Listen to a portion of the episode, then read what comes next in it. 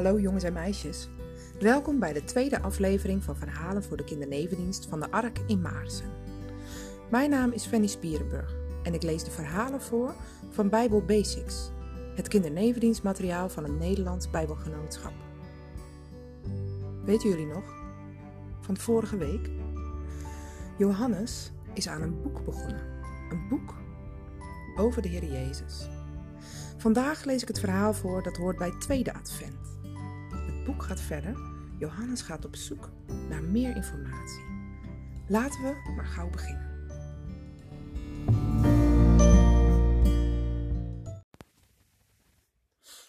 Johannes loopt over de stoffige paadjes van het dorp.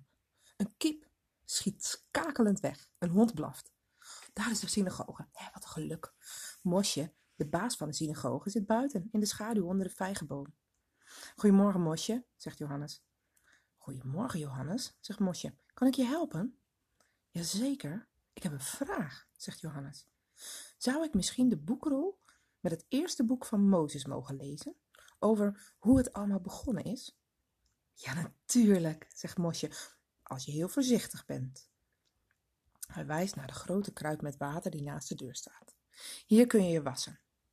Johannes doet zijn schoenen uit en wast zijn voeten. Daarna wast hij zijn handen en zijn gezicht. En dan loopt hij op blote voeten achter Mosje aan de synagoge in. Mosje pakt een lange koker en haalt er een papieren rol uit. Die legt hij voorzichtig op een tafeltje. Het eerste boek van Mozes, zegt hij. Ga je gang, Johannes. Johannes rolt de boekrol een klein stukje uit. Hij buigt zich voorover en hij leest langzaam terwijl hij met zijn vinger meewijst. Lang, heel lang geleden was er nog helemaal niets. Er was nog helemaal niemand. Ja, er was één iemand. God.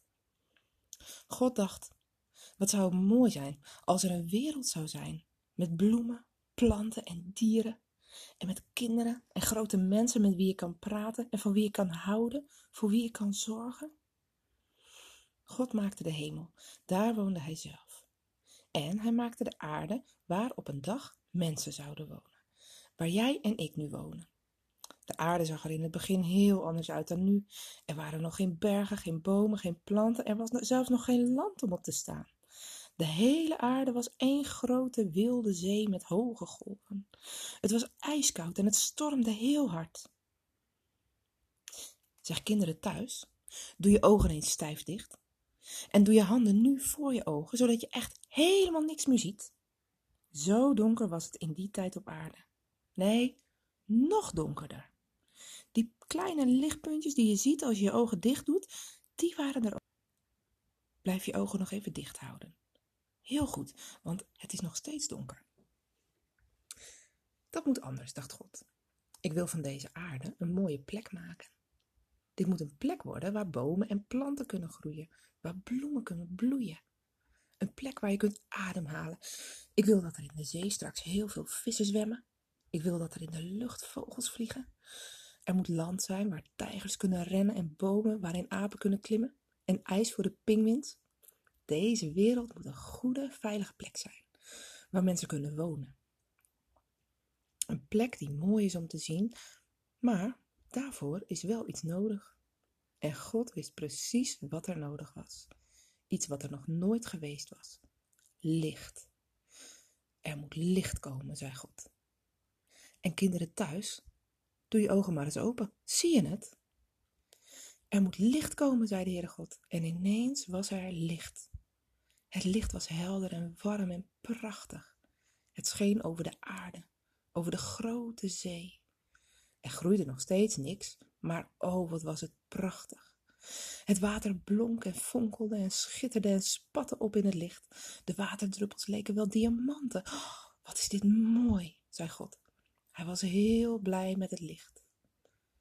Donker, zei God, we maken een afspraak. Jij mag er alleen s'nachts zijn. Overdag is voortaan voor het licht. Het werd avond, het donker kwam terug, het licht verdween weer. Maar de volgende morgen kwam het licht terug, net zo stralend als op de allereerste dag. Wat had God dat mooi gemaakt? Johannes gaat rechtop zitten. Oh, hij wordt er helemaal blij van als hij het leest. Ja hoor, hier gaat het ook over het licht. Eigenlijk was licht het allereerste wat God maakte. Het licht was dus heel erg belangrijk. Heel voorzichtig rolt Johannes het papier weer terug, zodat Mosje het straks weer in de koker kan opbergen.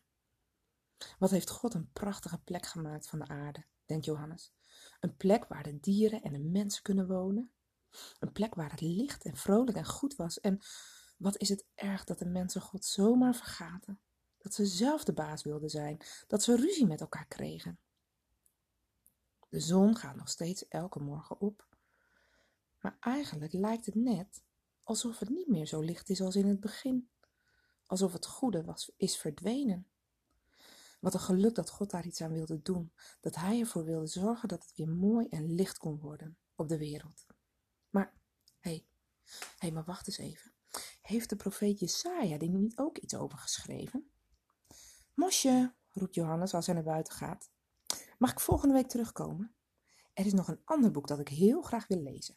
Het boek van Jesaja.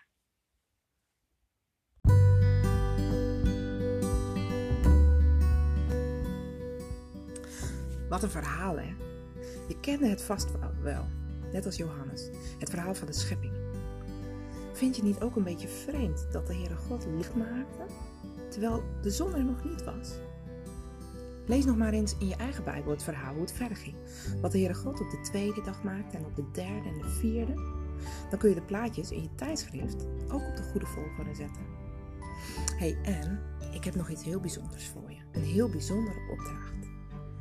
Om het licht te brengen bij iemand uit de kerk door een kaartje te sturen. Je kunt zelf een kaartje maken, maar je kunt natuurlijk ook een kaartje kopen. Of misschien heeft je vader of moeder nog wel een kaartje liggen.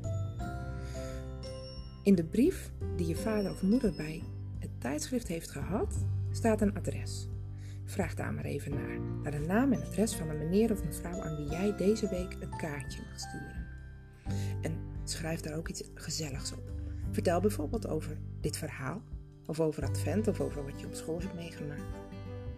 Door een kaartje te sturen breng jij het licht van de Heer Jezus bij iemand anders. En dat vindt de oudere voor wie jouw kaartje is vast heel erg fijn. Nou, zet hem op en tot de volgende week. Dag!